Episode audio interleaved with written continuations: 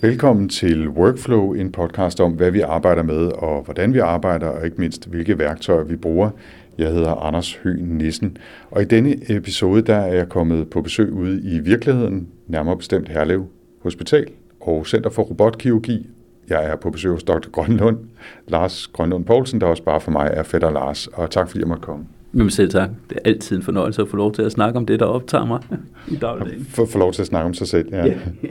og jeg skal lige sige, at det, det her det bliver en lidt særlig udgave af Workflow, fordi jeg også lige har været på besøg under en operation, så der bliver klippet lidt frem og tilbage, øh, så man også kan høre, hvordan det foregår, øh, hvor jeg jo ellers bare normalt tænder for mikrofonen, og så slukker jeg den efter en times tid, og så er det det. Men i den her øh, udgave af Workflow, der er altså også lidt reportage, som man så kan se frem til, så man kan høre, hvordan det foregår under øh, operationen. Men Lars, for en god ordens skyld, fortæl mig øh, om, hvad du arbejder med til hverdag, og så kan vi måske også snakke en lille smule om, hvordan du havnede der. Men hvad er det, der er dit øh, primære job her? Altså mit primære job er at arbejde med øh, kvinder med kræft i underlivet. Jeg er speciallæge i gynækologi, og har de sidste 6-8 år stort set beskæftiget mig udelukkende med, med kræft i underlivet. Og så er det sådan stille og roligt blevet mere og mere subspecialiseret i det, man er i færd med at centralisere kraftbehandlingen i Region Hovedstaden. Sådan så det vi gør her på Herlev er, at vi opererer kvinder med kraft i livmoren. Øh, hvis man har kraft i æggestokke eller kraft i livmorhalsen, så bliver man behandlet på Rigshospitalet. Så på den måde er det blevet sådan ret, ret sub-sub-specialiseret. Og øh, begrænser sig også til nogle helt bestemte operationstyper, som vi så til gengæld laver rigtig, rigtig mange af her i huset. Og, og bare sådan lige hurtigt, øh, hvordan havner man der altså i, igennem alle de her subspecialiseringer? Men du starter vel, jeg har sagt, bare på Panum øh, som øh, en ganske almindelig lægestuderende. Man starter som ung, håbefuld, idealistisk medicinstuderende, og for mit vedkommende på Københavns Universitet inde på Panum Instituttet, og brugte så de her, dengang var det nummeret til 6,5 år, nu er det vist reduceret til 6 og jeg havde lidt pause undervejs og fik et par børn, og så ellers ud i, i det, du kalder virkeligheden. Det er jo sjovt, når jeg går fra arbejde her, så siger jeg, at jeg skal ud i virkeligheden. Sådan er virkeligheden afhængig af, hvilket perspektiv vi kaster på den. Og så øh, jeg blev færdig som læge tilbage i 98, og så var det faktisk sådan, at min allerførste stilling, normalt skal man ud i en turnus, dengang var det halvandet år, det er sådan en basisuddannelse, hvor man har noget kirurgi og noget medicin på et hospital, og så sidder man også hos en almen praktiserende læge. Jeg havde så et halvt år, jeg skulle vente på at få den her turnus, så der blev jeg faktisk ansat lige netop på den her afdeling, på gynækologisk afdeling på Herlev. Øh, så min allerførste sådan faglige lægesko trådte jeg her i huset. Og så er jeg vendt tilbage. Det ved jeg ikke, om jeg helt, hvad man skal sige til. Det er sådan lidt øh, bekymrende, uhyggeligt, eller hvad ved jeg, men, men ganske rart. Så har jeg ellers haft en lang vej igennem, hvor man så skal ligesom til at finde ud af, hvilket speciale er det, man ønsker at, at være i, hvor er det ens øh, kvalifikationer er, hvad, der er stor forskel på at være, om man vælger at blive patolog for eksempel, der sidder og kigger på væv øh, fjernet fra syge, eller vævsprøver taget og kigger, diagnostiserer kræft og alt muligt andet meget avanceret, men som der ikke er så meget patientkontakt. Og så til for eksempel at sidde som den læge, vi alle sammen kender, familielægen, øh, som den praktiserende læge, eller som, som jeg, der så har endt med at blive overvejende kirurgisk læge og operere rigtig meget. Så det var sådan en, de første trin, hvor man sådan begyndte at finde ud af, hvor er det, jeg synes, det er spændende. Jeg var dengang rigtig, rigtig glad for fødegangsarbejdet, og det er sådan, at obstetrik og gynækologi, altså fødselslæge og, og speciallæge i kvindesygdom, det er et speciale. Så derfor så gik jeg efter at blive øh, og obstetriker, og var egentlig også, efter jeg fik min speciallæge blokuddannelse, som er sådan en, en øh, fireårig uddannelse, øh, ret sikker på, at jeg skulle være fødselslæge. Og hvad der så helt præcis skete, det står hen i det uvisse. Men i hvert fald blev det mere og mere til, at jeg synes, at kraftbehandlingen øh, og det kirurgiske var det interessante. Og nu kan jeg godt se, altså jeg ved godt nu hvorfor, og det er noget med, at kombinationen af, at man har nogle patienter, som, som er syge, og hvor det kræver, det kræver noget at kunne sætte sig ned og snakke med de patienter, og snakke om alle de ting, der er svære, og snakke om døden, og snakke om, hvordan det er at efterlade øh, familie og børn og venner, og, og ligesom skulle forholde sig til det. Og så også at have det helt lavpraktisk det håndværksmæssige indover. Det var en kombination, som passede mig rigtig, rigtig godt. Og derfor er jeg sådan stille og roligt endt her, hvor jeg er. Og hvor er vi øh, sådan øh, helt konkret her i dag? Jamen lige nu står vi på øh, operationsgangen, sådan midt på i Herlev, i behandlingsbygningen, på den ene af vores fire øh, robotstuer. Så, øh, og vi har øh, en patient bedøvet, som vi skal operere lige om lidt, og er så stille og roligt ved at gøre resten af udstyret klar. Så forhåbentlig kan vi gå i gang om kvarter 20 minutter. Og så står du i øvrigt og læner dig op af en maskine, som faktisk er grunden til, at øh, jeg er på besøg i dag. Den hedder Da Vinci. Det lyder meget fint. Hvad er det? Da Vinci er en øh, operationsrobot. Den første sådan succes af operationsrobotter, der har været tiltag før den, men den her den er lykkedes, kan man sige, og har faktisk, som det er lige nu, monopol og er den eneste rigtige operationsrobot. Der er andre på vej. Og den har vi fornøjelsen af at have fire stykker af herude på Herlev, og øh, var faktisk det første center i Danmark, der i 2008 startede med robotkirurgi, og siden har det udviklet sig ganske meget, og i dag tror jeg, der står et par 20 robotter spredt rundt om i landet, og selv nogle af de mindre sygehus begynder at få det. Det er blevet et våben i kampen om lægerne til at tiltrække. Der er jo stadigvæk nogle enkelte mandlige læger, der synes, at øh, dyrt legetøj er sjovt. Når vi siger øh, robot, øh, kirurg eller kirurgrobot, øh, så er det jo ikke ideen om, at det er en, en robot, som man kender det fra et samlebånd, som gør det hele selv. Altså det er udstyr, som kan hjælpe jer med at operere. Så forklar lige sådan den grundlæggende idé i sådan et apparat som Da Vinci her. Det er sådan, at det er kirurgen, der styrer den. Der er ikke noget, den gør ikke noget selv. Det der er hele bagtanken ved at lave robotten, det kommer øh, som alt muligt andet fra det amerikanske militær. Og deres tanke var, at deres soldater, når de var i felten i Irak og øh, andre steder, at de så kunne blive opereret af de ypperste amerikanske kirurger på den måde, at de skulle sidde på deres plads i, på Harvard, og hvor de ellers sidder, og så kunne operere rundt om i verden. Øh, og derfor er det egentlig sådan, at det består af, en, af en, det, der hedder en konsol, som er den, vi står, jeg står og læner mig op af her som en bedre Ferrari, øh, hvor man sidder med to joystick og nogle fodpedaler, og der kan jeg så styre det, som hedder patientdelen eller patientkarten, som vel nærmest ligner sådan en, en firearmet æderkop. Der er sådan lidt James Bond-agtigt over den. Som, og, og der kan jeg så styre de bevægelser. Og noget af det, som jo er fantastisk godt ved den, det er, at det står helt stationært. Det flytter sig ikke. Det er så også en af begrænsningerne en gang imellem, og det kan vi komme lidt tilbage til, når vi skal, hvis vi snakker lidt om, hvad fordelene og udlemperne er. Og udover den her patientdel, som bliver kørt hen til patienten, og som styrer instrument, eller hvor instrumenterne kobles op og puttes ind i patienten, og selve konsollen, hvor jeg sidder og styrer, så er der hele den centrale enhed, som er computerdelen det er der, det hele styres fra. Der er en lysenhed til at sende lys til kameraet, det er der billedet behandles, det er der det hele sådan samles, og det er det, der hedder, den hedder vision card. Så der er en patient card, en vision card og en konsol. Og det er også på bedste Google-vis blevet oversat til det danske. Der står patientkort på skærmen og øh, synskort. Så det er genialt. Så den grundlæggende idé er, at du i virkeligheden sidder ved en skærm med nogle joystick eller nogle controller øh, og, og fjernstyrer nogle robotarme, så med de øh, instrumenter på, eller øh, skalpeller, eller ting, eller hvad I nu skal bruge.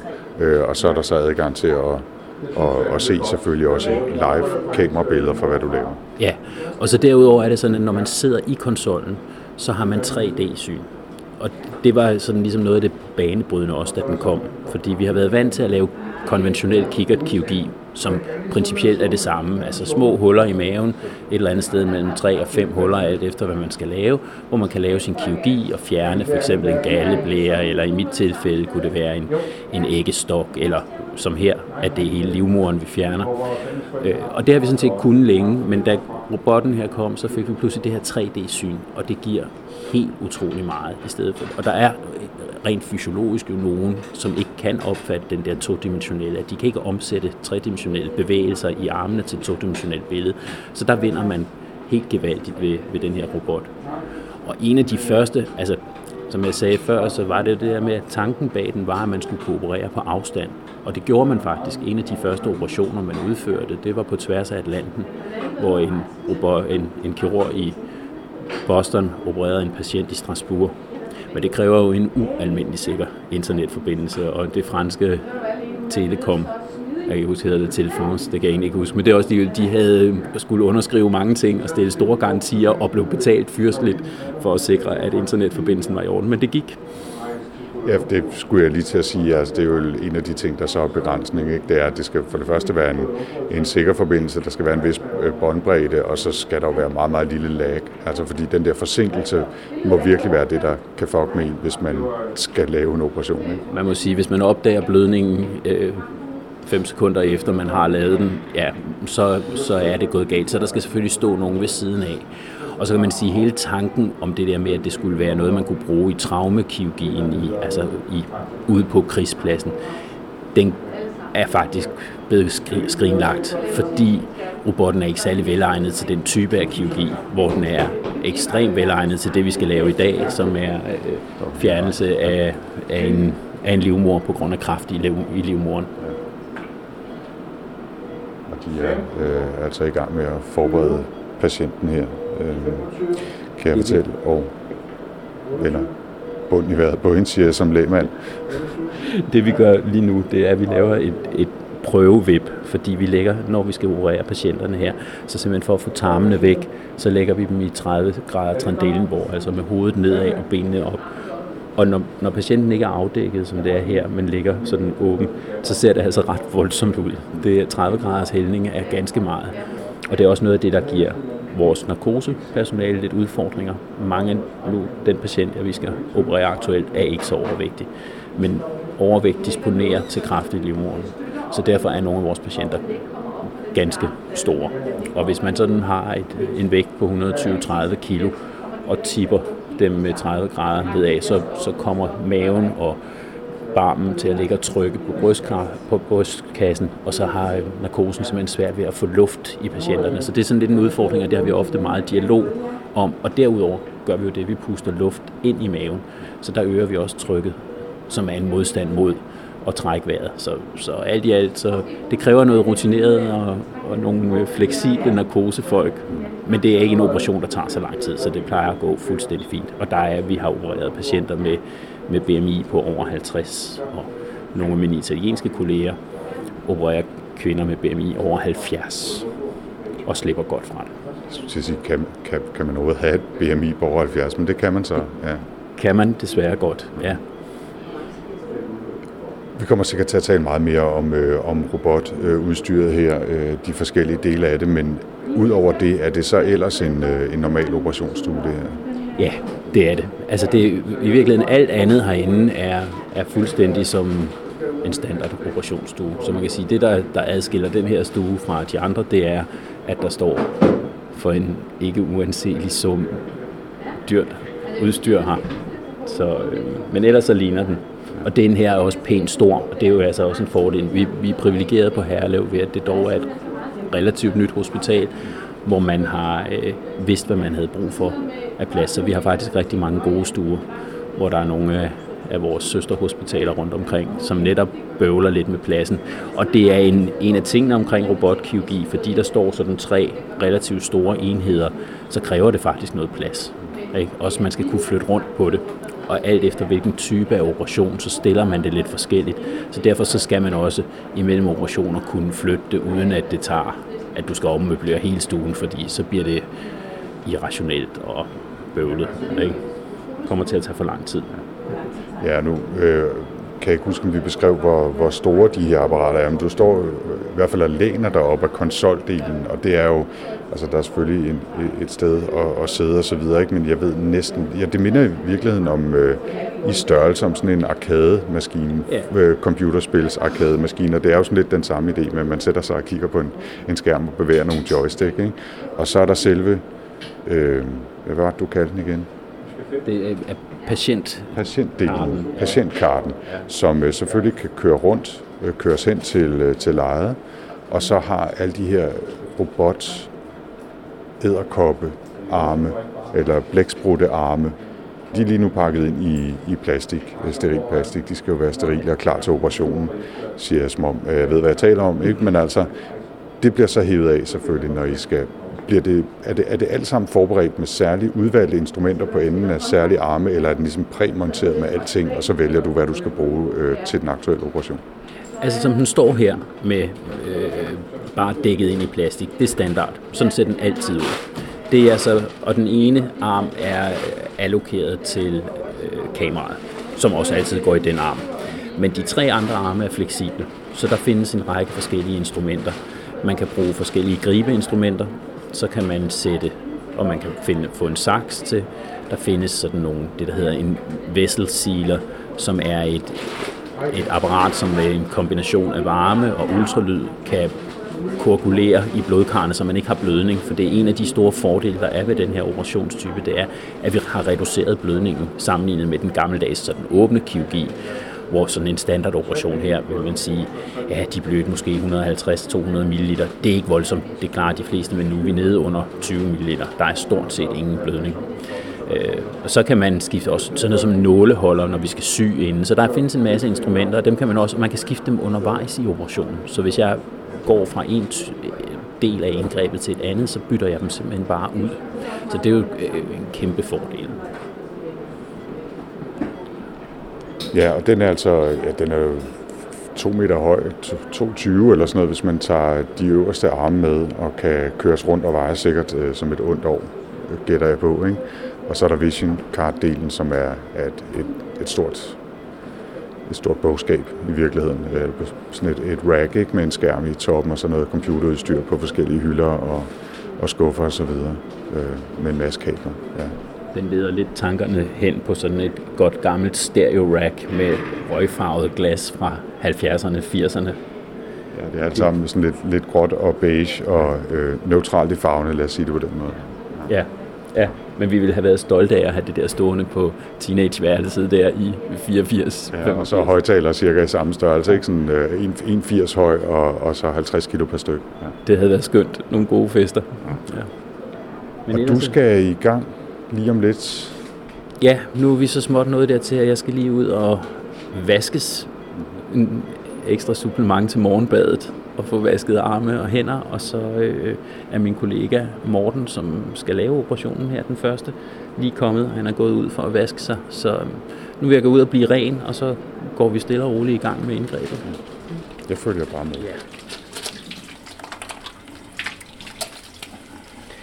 Gamle dage, der skulle vi vaske med svampe og jod og alt muligt, og der følte man sig sådan, som rigtig læge. I dag er, er selve håndvaskdelen, eller den del af det med sæbe og sådan noget, reduceret til egentlig bare at være fjernelse af synlig snavs, fordi det er spritten, der gør tricket. Men det er ligesom en vigtig del af vores lægelige identitet, at vi står her ved håndvasken og går i vask, som det så nydeligt hedder. Jeg har aldrig rigtig forstået det. Nu går vi i vask. Det er et godt, et godt udtryk. Det var ligesom om, at det hele blev reduceret, dengang vi begyndte at måtte bruge ikke-sterile servietter til at tørre os med. Så, ligesom, så røg magien. Jeg synes, jeg synes også, jeg er lidt skuffet over, at der ikke står nogen og, og hjælper jer med at, at tørre på en eller anden ja. måde. Ikke? Altså, det var vel også en del af magien, ikke? at man kunne række hænderne i vejret, og så kom der nogen af Det gør de stadigvæk i Norge. Lidt. I Norge bliver man behandlet ordentligt som læge. Der er ingen respekt tilbage i det her land. Vi er reduceret til marionetter.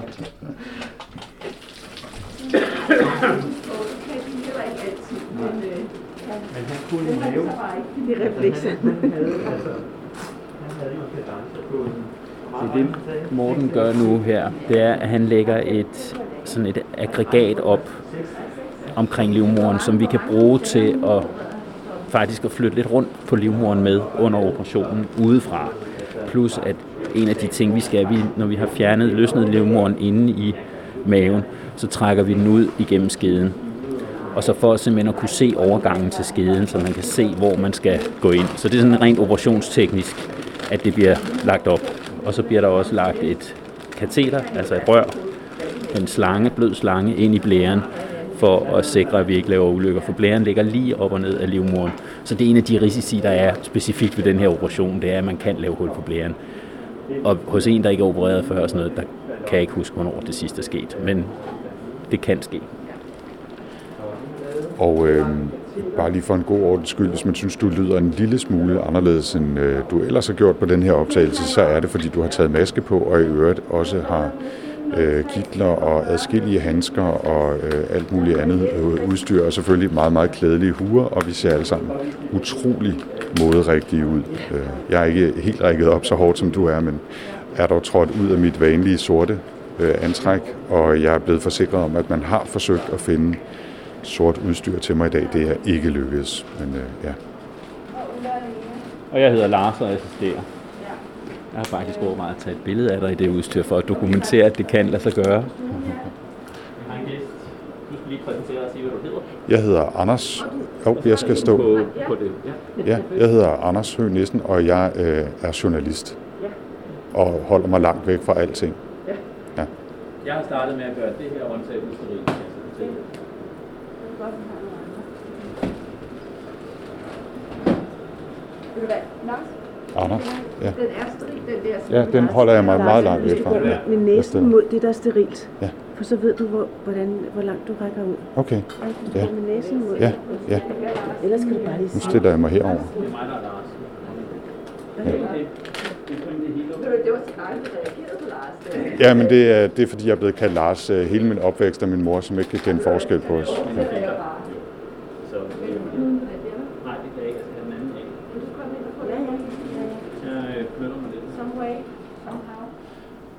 Så lad os prøve at zoome lidt ind på, hvordan du arbejder og hvad du arbejder med, når du sidder i konsollen. Og øh, altså, hvad ser du?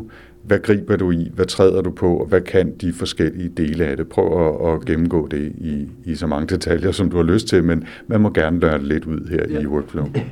Når jeg sidder over i min konsol, så har jeg, det første jeg egentlig gør, det er, at jeg indstiller ergonom, altså der, er en- der, det er en meget ergonomisk apparat. Jeg kan indstille alt i højde og skubbe fodpedalerne frem og tilbage, så de passer lige netop til mine enten korte ben eller lange ben eller store fødder, eller hvordan jeg nu vil have det. Det justerer jeg, sådan så jeg tænker, her sidder jeg godt.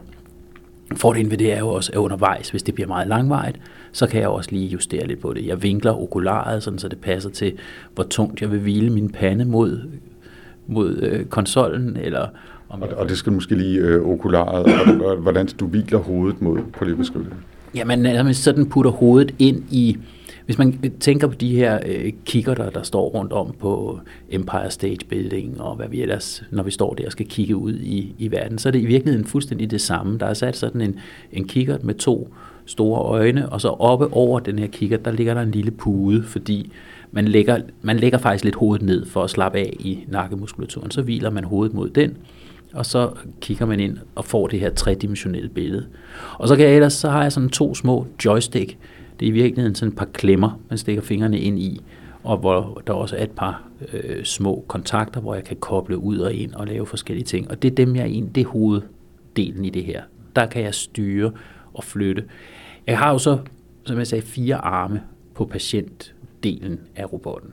Men jeg kan jo altså kun styre, jeg har kun to hænder og kan derfor kun styre to instrumenter ad gangen. Så har jeg så en kobling, nogle fodpedaler, som består dels af en kobling, hvor jeg så kan skifte imellem nogle af de her arme. Jeg kan også ved at øh, trykke på nogle bestemt på en knap, og så samtidig med, at jeg fører min arm rundt, så kan jeg flytte på kameraet. Og det er en af de tekniske fordele, fordi det betyder, hvis jeg laver gammeldags kikkertkirurgi, så er det min assistent, der holder kameraet. Det vil sige, at der bliver kigget derhen, hvor assistenten nu lige synes. Eller hvis assistenten svømmer hen i egne tanker, så bliver der kigget et helt andet sted hen. End, altså sådan sker der mange ting, hvor her, der sætter jeg kameraet lige præcis der, hvor jeg vil have det. Og der er meget stor forskel, individuel forskel på. Nogle kan godt lide at have det meget tæt på, nogle vil gerne have noget afstand. Og her styrer jeg det selv, så jeg har ikke nogen at skælde ud, hvis kameraet står forkert andet end mig selv. Og så har jeg et par fodpedaler til at styre mine instrumenter, den strøm, instrumenterne bruger. Vi bruger det, der hedder bipolær og monopolær strøm, øh, som producerer varme inde i patienten, og det bruger vi til dels at skære med, og dels til at brænde blodkar, så vi kan reducere blødningen. Og det sidder jeg simpelthen og gør med fødderne. Og det, der er så super fint, det er, at i det fodpanel, jeg har, der sidder der små lysfølere, sådan så inde i mit okular, der hvor jeg sidder og kigger ind, der får jeg hele tiden en markering af, hvor det er, jeg har min fod. Sådan så jeg kan se sådan en lille, når jeg fører foden ind over min monopolære, som jeg har i min højre hånd, det kan man gøre, som man vil, men jeg har, den, har valgt at have den i højre. Så får jeg simpelthen lige sådan en orange kant, der lyser og siger, nu har du foden inden over den monopolære, hvis du trykker her, så brænder du. Og så kommer der faktisk også en lyd. Og alt efter, om det er den ene eller den anden brænder, man bruger, så er lyden forskellig. Og det er ikke helt ligegyldigt, fordi den monopolære, der går strømmen fra instrumentet og ud til en neutral plade, der er placeret, placeret på patientens ben. Og der kan man jo, kan man sige, der spreder du ret meget energi og strøm i vævet.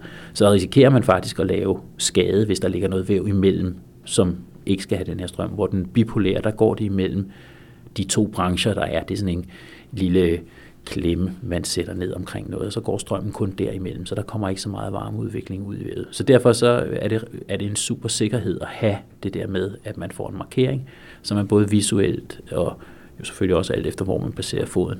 Øh, jeg ved godt, hvilken vinkel, om jeg trykker på den ene eller den anden, men man kan komme til at, at tage fejl. Så det er lidt ligesom øh, at køre bil med fødderne og styre en moderne bil med Ja, altså jeg synes, øh, uden øh, i øvrigt at have øh, pilotcertifikat eller noget, det lyder næsten mere som sådan noget helikopterpilot, øh, fordi der, man gør også noget med fødderne, man gør, holder ikke bare et ret, man gør noget med forskellige kontakter og bevæger sig i tre dimensioner med hænderne. Man kigger på en bestemt måde, og man får ørerne op, også lydinput.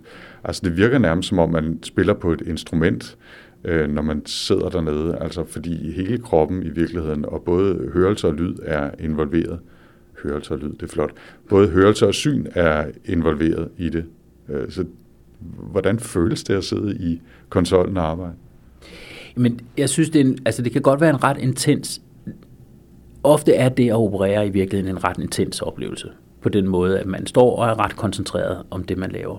Men i det, man sætter sig ned i konsollen, nu, den nye konsol, den vi har stået med i dag for eksempel, den er blevet mere åben.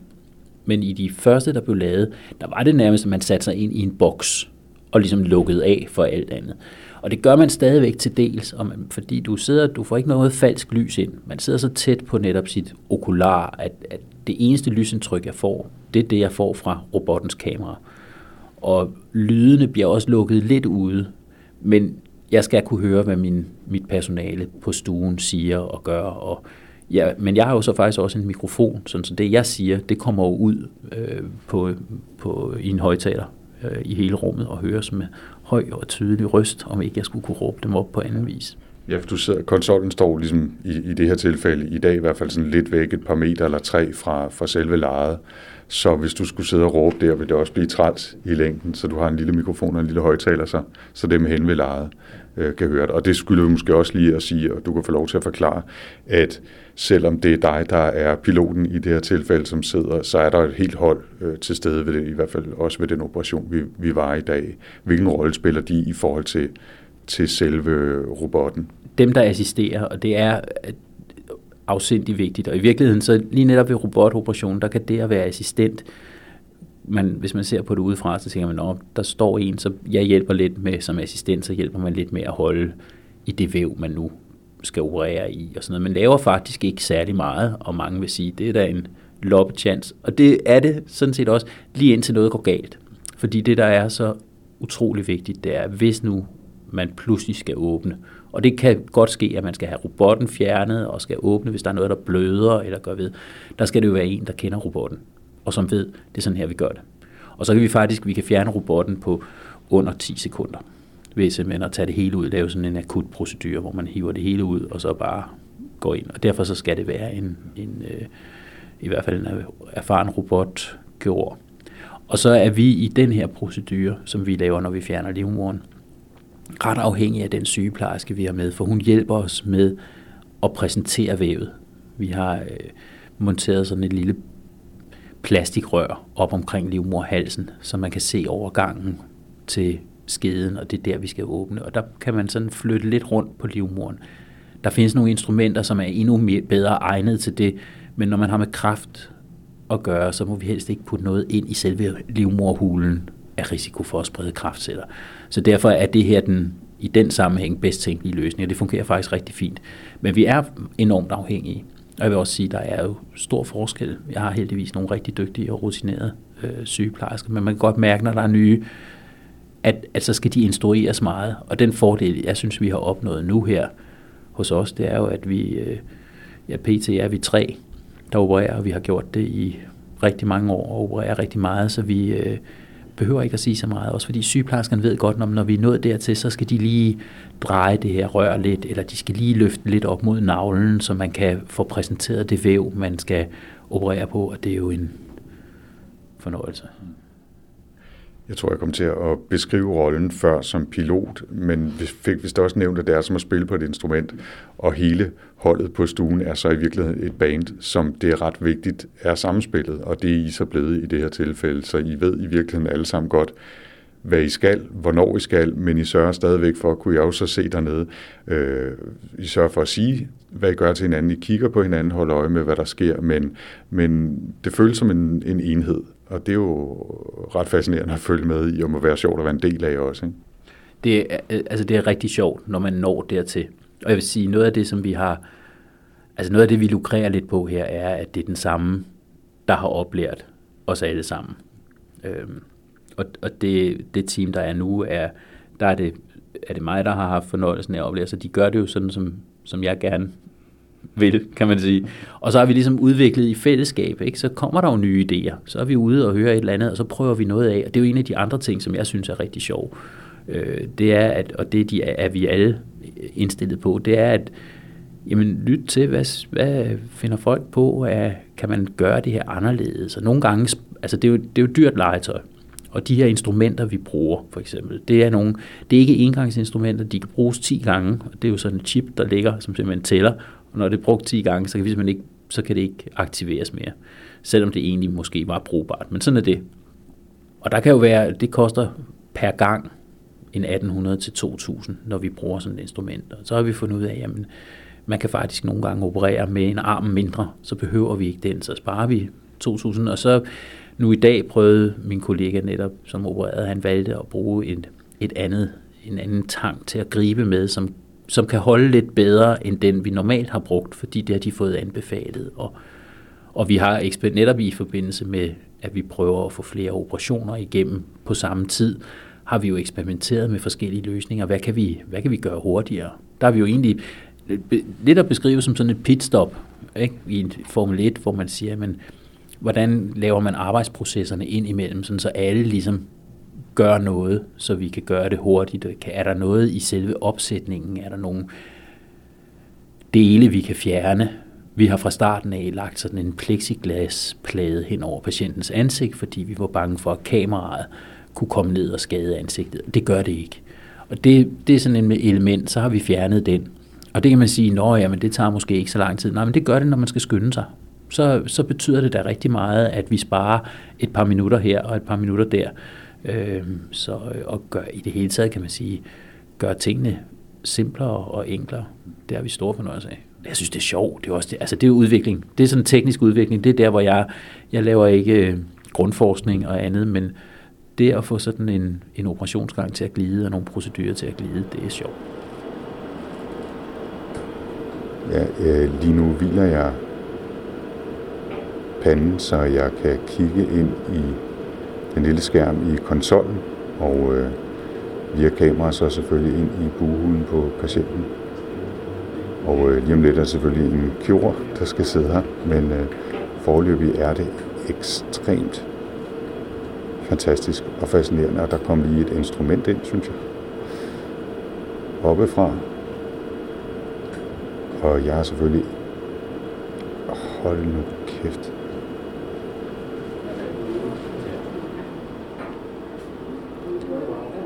Det jeg kunne øh, se via kameraet ind i bulen, var hvordan de tre-fire steder stak hul i, i maven af buen for at kunne indføre de her robotstyrede instrumenter. Og øh, på kamerabilledet lignede det jo, at det var øh, kæmpestore kloakrør, der blev lagt ind. Men i virkeligheden er de jo måske en centimeter eller halvanden i diameter, de rør, der bliver, der bliver brugt. Det er virkelig øh, utrolig fascinerende at sidde og se på.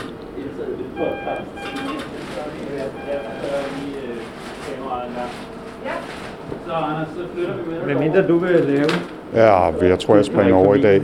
Altså, jeg har spillet computerspil nok til, at jeg, det føles naturligt, men jeg må hellere lade være. Ikke? Ja.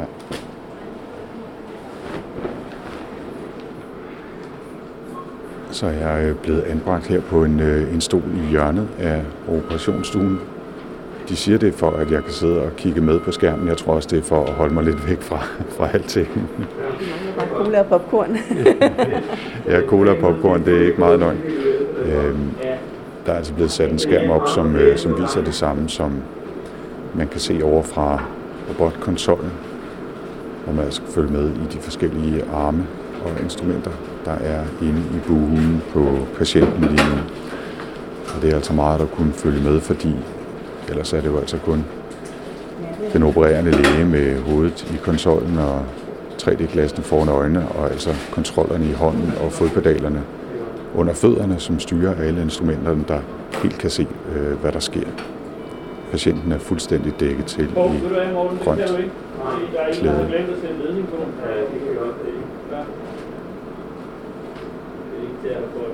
Imens står øh, Dr. Lars over ved patienten og sørger for at øh, hjælpe med at sætte alt udstyr op.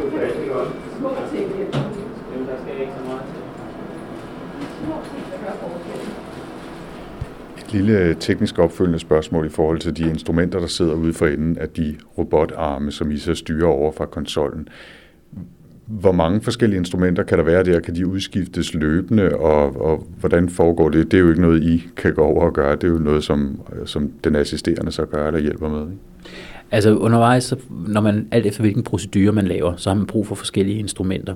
Og som så, du så ved operationen i dag, så er det sådan på et tidspunkt, der skal man sy toppen af skeden, og så skifter man sin saks ud med en nåleholder. Så man kan skifte de instrumenter fuldstændig som det passer en, og der findes sådan en vifte af forskellige instrumenter en del forskellige instrumenter til at holde med, og de har forskellige egenskaber. Og så også noget med, hvordan spidsen på instrumentet er formet. Nogle er rigtig gode til at dissekere med, når man skal ud sådan og kigge omkring. Mm.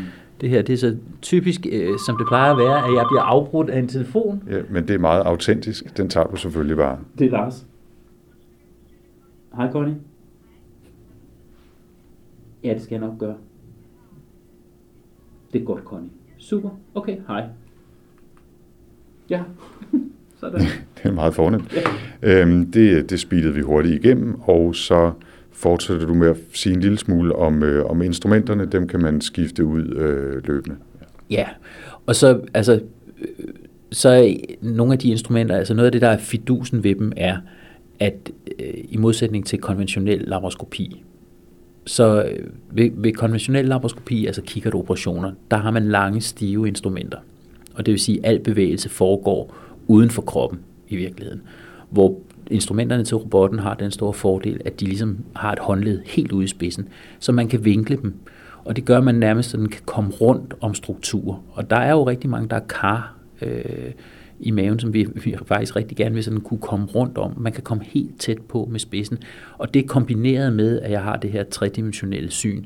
Og alt, hvad jeg i øvrigt måtte lave, er, hvis jeg har lidt små træmer, øh, altså ryster lidt på hænderne, eller sådan noget, det bliver reduceret i maskinen. Det gør, at vi sidder med en fornemmelse af, at der er ret stor sikkerhed ved det her, og det betyder faktisk meget. Altså mit, der er ingen tvivl om, at, at min sådan, mit stressrespons ved at operere, øh, når jeg gør det i robotten, er klart mindre, end jeg har været vant til fra, fra tidligere, når jeg har gjort det åbent. Jeg synes jo, sådan rent teknisk har det været en landvinding. Der er masser af mine kolleger, der ikke er enige med mig, specielt dem, der ikke opererer på robotten. Og man kan sige, der var rigtig meget i starten, da vi startede ud med det rent teknisk med, det tog lang tid. Det tog lang tid at gøre den klar, og det tager lang tid med skiftene, og det gør det til del stadigvæk. Til gengæld har vi så den fordel nu, at vores, rent, altså vores operationstider er nedbragt gevaldigt. Vi er, altså det tager faktisk ikke så lang tid at lave det her indgreb, som nu er et standardindgreb. Lige en, øh, en, endnu en teknisk detalje i forhold til øh, selve instrumenterne. De bliver ført ind i det her tilfælde i, i buhulen øh, via rør, i, som er jo så den eneste, det eneste hul i virkeligheden. I stedet for at lave en stor åben operation, så laver man den her øh, kikkertoperation via, via rør, ikke? og så kan man trække instrumentet ind og ud af, af de rør. Som, ja. ja, og det er jo, vi ved, at, at noget af det, som øh, giver komplikationer eller giver langvarige rekonvalescensforløb for patienterne, det er, når man åbner, det udløser altså et kæmpestort stressrespons, hvis man har sådan et langt sår fra brystbenet og ned til skambenet, hvor de her små huller, det er ikke øh, noget, kroppen reagerer nær så kraftigt på. Og derudover så er de her øh, trokarer og, og øh, porte, som vi bruger, de er lavet sådan, at, at de giver mindst muligt, altså de bliver simpelthen sat sådan, så de giver meget lidt frid i huden, så patienterne har faktisk ikke ondt. Så sætter man, skal man jo så lukke huden til sidst, øh, og det gør vi så med en sutur, eller vi bruger clips, og lige meget hvad man bruger, så spænder og bider det lidt. Men ellers så har de faktisk ikke ondt i, i sårene. Det er ikke der, øh, problemet ligger. Så det er en meget skånsom. Det er det, der hedder minimal invasive surgery, som er sådan... Men der er ikke den store forskel på konventionel laparoskopi, altså kiggerkirurgi og robotten. Det patientudkommet er nogenlunde det samme. Den helt store gevinst ved robotten er, dels kan man sige, det er en ekstra mulighed i viften, som kan nogen, så har nogle steder, hvor den virkelig er god. Jeg synes for eksempel til ekstrem fedme er den fantastisk god. Super god til, når man skal fjerne lymfeknuder langs karne, fordi man kan komme så tæt på, fordi du har så godt et syn. Og det her, som jeg forklarede med, at man vinkler, kan vinkle som et håndled helt ud i spidsen af instrumentet. Og så øh, er der helt sikkert for mig en gevinst for kirurgen. Det er simpelthen fysisk ikke nær så hårdt har det bedre, når jeg går hjem. Det er ikke det mindst vigtige, fordi du skal komme igen i morgen og lave flere operationer. Ikke? For lige at runde robotten af her, øh, sådan som den ser ud i dag, er der nogle store udfordringer ved robotten, sådan som konstruktionen er lavet i dag? Altså den robot, vi har, har den begrænsning, kan man sige, at når man ligesom har kørt patientdelen hen til patienten og lejet, så står den fast der. Og det gør, at man skal ligesom vælge, vil man operere i den ene eller den anden del af maven. Og ved nogle operationer, der skal man faktisk både op i toppen af maven og ned omkring øh, i det lille bækken. Og det er den ikke særlig velegnet til. Det kræver faktisk, at man dokker om undervejs i operationen, og det er bøvlet. Der er kommet en videreudvikling af den her fra firmaet Intuitive, som, som har den robot, vi bruger, Da Vinci-robotten hvor man kan gøre det, hvor den simpelthen er koblet sammen med lejet også, sådan så man kan flytte på lejet, og så er det koblet sammen med robotten, så det hele flytter samtidig, så man ikke behøver at tage instrumenter og patientdelen væk fra patienten for at omlejre, men kan gøre det undervejs. Det er super smart. Vi har den ikke her. Øhm, det er ikke Region Hovedstaden for ondt. Det har de så til gengæld rundt om i landet. Og så bliver jeg jo simpelthen også nødt til at afslutningsvis, i hvert fald på, på robotdelen her, at spørge, nu hedder det jo en, en robot, så der er sikkert nogen, der har en forestilling om, at den er autonom i en eller anden grad. Og nu går jeg jo så kirurgen, her kirurgen, øh, øh, og hans faglige stolthed meget nær, men altså, du kan næsten fornemme, hvor jeg vil hen af. Bliver det sådan på et tidspunkt, at operationen, eller i hvert fald dele af operationen, vil kunne klares autonom af en robot, som I ikke styrer, men bare overlade det til software, og så selvfølgelig øh, selve hardware-delen, og klare det. Man kan sige, til nogle operationstyper, der sker det allerede sådan, og faktisk med bedre resultater, end når man lader, og det er jeg jo ked af at sige, ikke? men end, øh, end at lade lægerne gøre det. Det er svært at forestille sig i mit speciale, fordi vi har at gøre med ting, der flytter sig. Det er mobilt, og, og det tror jeg endnu ikke, man kan få robotten til at, at lære. Men man kan forestille sig operationer, som, hvor man kan gøre patienterne helt stationære. Operationer ind omkring mellemøret i hjernen, der kan man programmere det ind på forhånd ud fra forskellige billeddiagnostik. Og der er der jo altså den fordel, at en robot ryster bare ikke på hånden. Og den gør kun det, den får besked på. Den får ikke pludselig fikse idéer, som den tænker, det er nok smartere, at jeg lige klipper den her struktur, som jeg tror er i vejen, og så finder ud af, at det var et stort kar så, så der er helt klart ting, der vil blive automatiseret, det er jeg overbevist om. Jeg tror ikke, jeg bliver arbejdsløs i min øh, karriere på grund af det. Det øh, kunne ellers være helt rart, der, og hvis man skulle beskæftige sig med noget andet end arbejde, bare for en stund. Men, øh, men det kommer, det tror jeg. Du ser sikkert mere frem til, at øh, der er et stykke software, der vil klare alle arbejde med sundhedsplatformen øh, for dig, men jeg er ikke helt sikker på, om jeg tør åbne for den snak, der hedder sundhedsplatform, fordi det er garanteret også en stor del af din hverdag, men det har været meget sjovere at tale om den del af din hverdag, der handler om at bruge en robot til kirurgi. Men hvis du sidder og brænder inde med et behov for at sige noget om sundhedsplatformen, så skal du have lov. Jeg vil sige, at heldigvis er robotten jo forbundet med stor fornøjelse og glæde. og Det vil være synd at sige, at det samme gør sig gældende om sundhedsplatformen. Det er, dog, altså, det er jo interessant med sundhedsplatformen, vil jeg sige, øh, som jo er et, et amerikansk IT-system, som Region Hovedstaden og Region Sjælland har købt for den nette sum af omkring 2,8 milliarder. Det er indkøbssum, og der er ingen tvivl om, at allerede nu kommer det budget jo ikke til at holde, fordi det viser sig, at der er alt for mange vanskeligheder ved det den er en kilde til rigtig mange store problemer. Der er nogen, der er rigtig glade for den og synes, det fungerer fint. Jeg tror, at specielt vi kirurgiske afdelinger har meget store vanskeligheder, fordi noget af det, som sundhedsplatformen har så svært ved at håndtere, det er sektorovergange fra ambulatorie til sengeafsnit til operationsgang. Øh, og dem har vi jo rigtig, rigtig mange af. Og så vil jeg sige, jeg, jeg er ikke IT-ekspert på nogen måde, men jeg er et eller andet sted rystet, imponeret over, at man i år 2014 kan beslutte at indkøbe, for det var der øh, beslutningen egentlig kom, og så i 2017 16 var det implementere et IT-system, som mest af alt minder om noget udviklet på en Commodore 64 i et eller andet håbløst DOS-system. Og så er der nogle helt, altså en af, et af hovedargumenterne har jo været, at man skulle øge sikkerheden og en af de ting, som jo øh, helt falder i øjnene i det øjeblik, man åbner, det er, at det er det mest rodede billede. Altså det er værre end min teenage-drengens værelse at åbne op for det der. Og så kan man lave, alt efter hvem man er, kan man personligt gøre sin sundhedsplatform. Det vil sige, hvis jeg skal hjælpe nogle andre, eller har pissetravlt og ikke har tid til at åbne op selv, men skal ind og have nogle oplysninger, så kan jeg ikke finde det.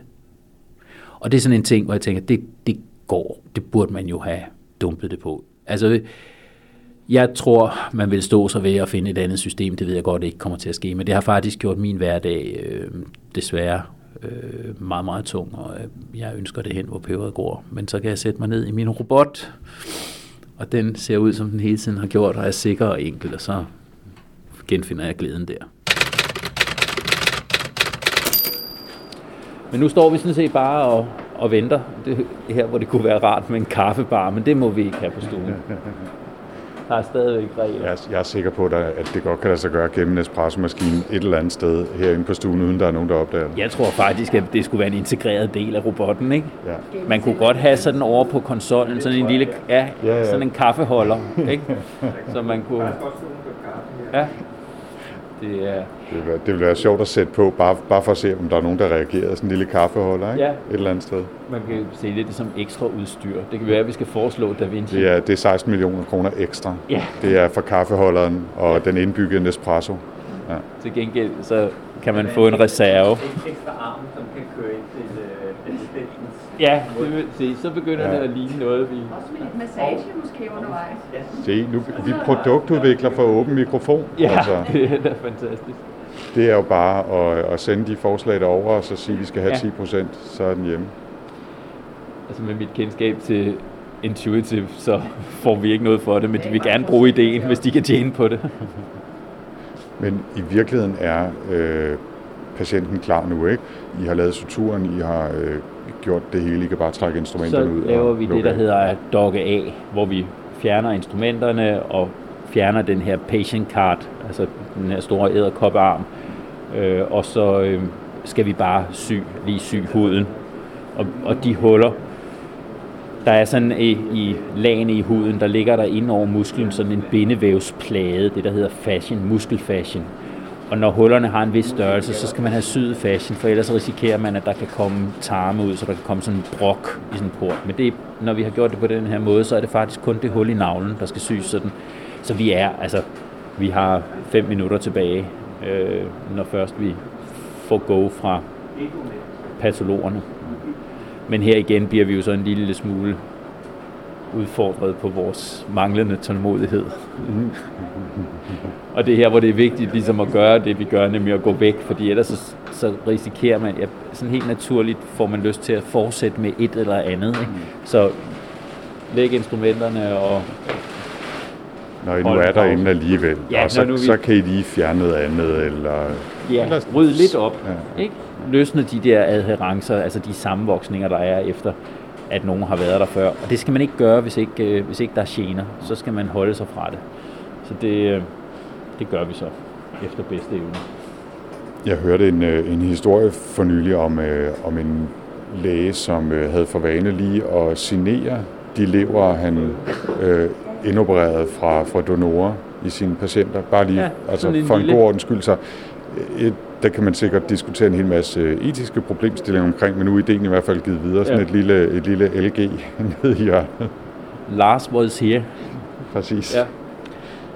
Det er charmerende. En tatovering, man helst vil være fri for.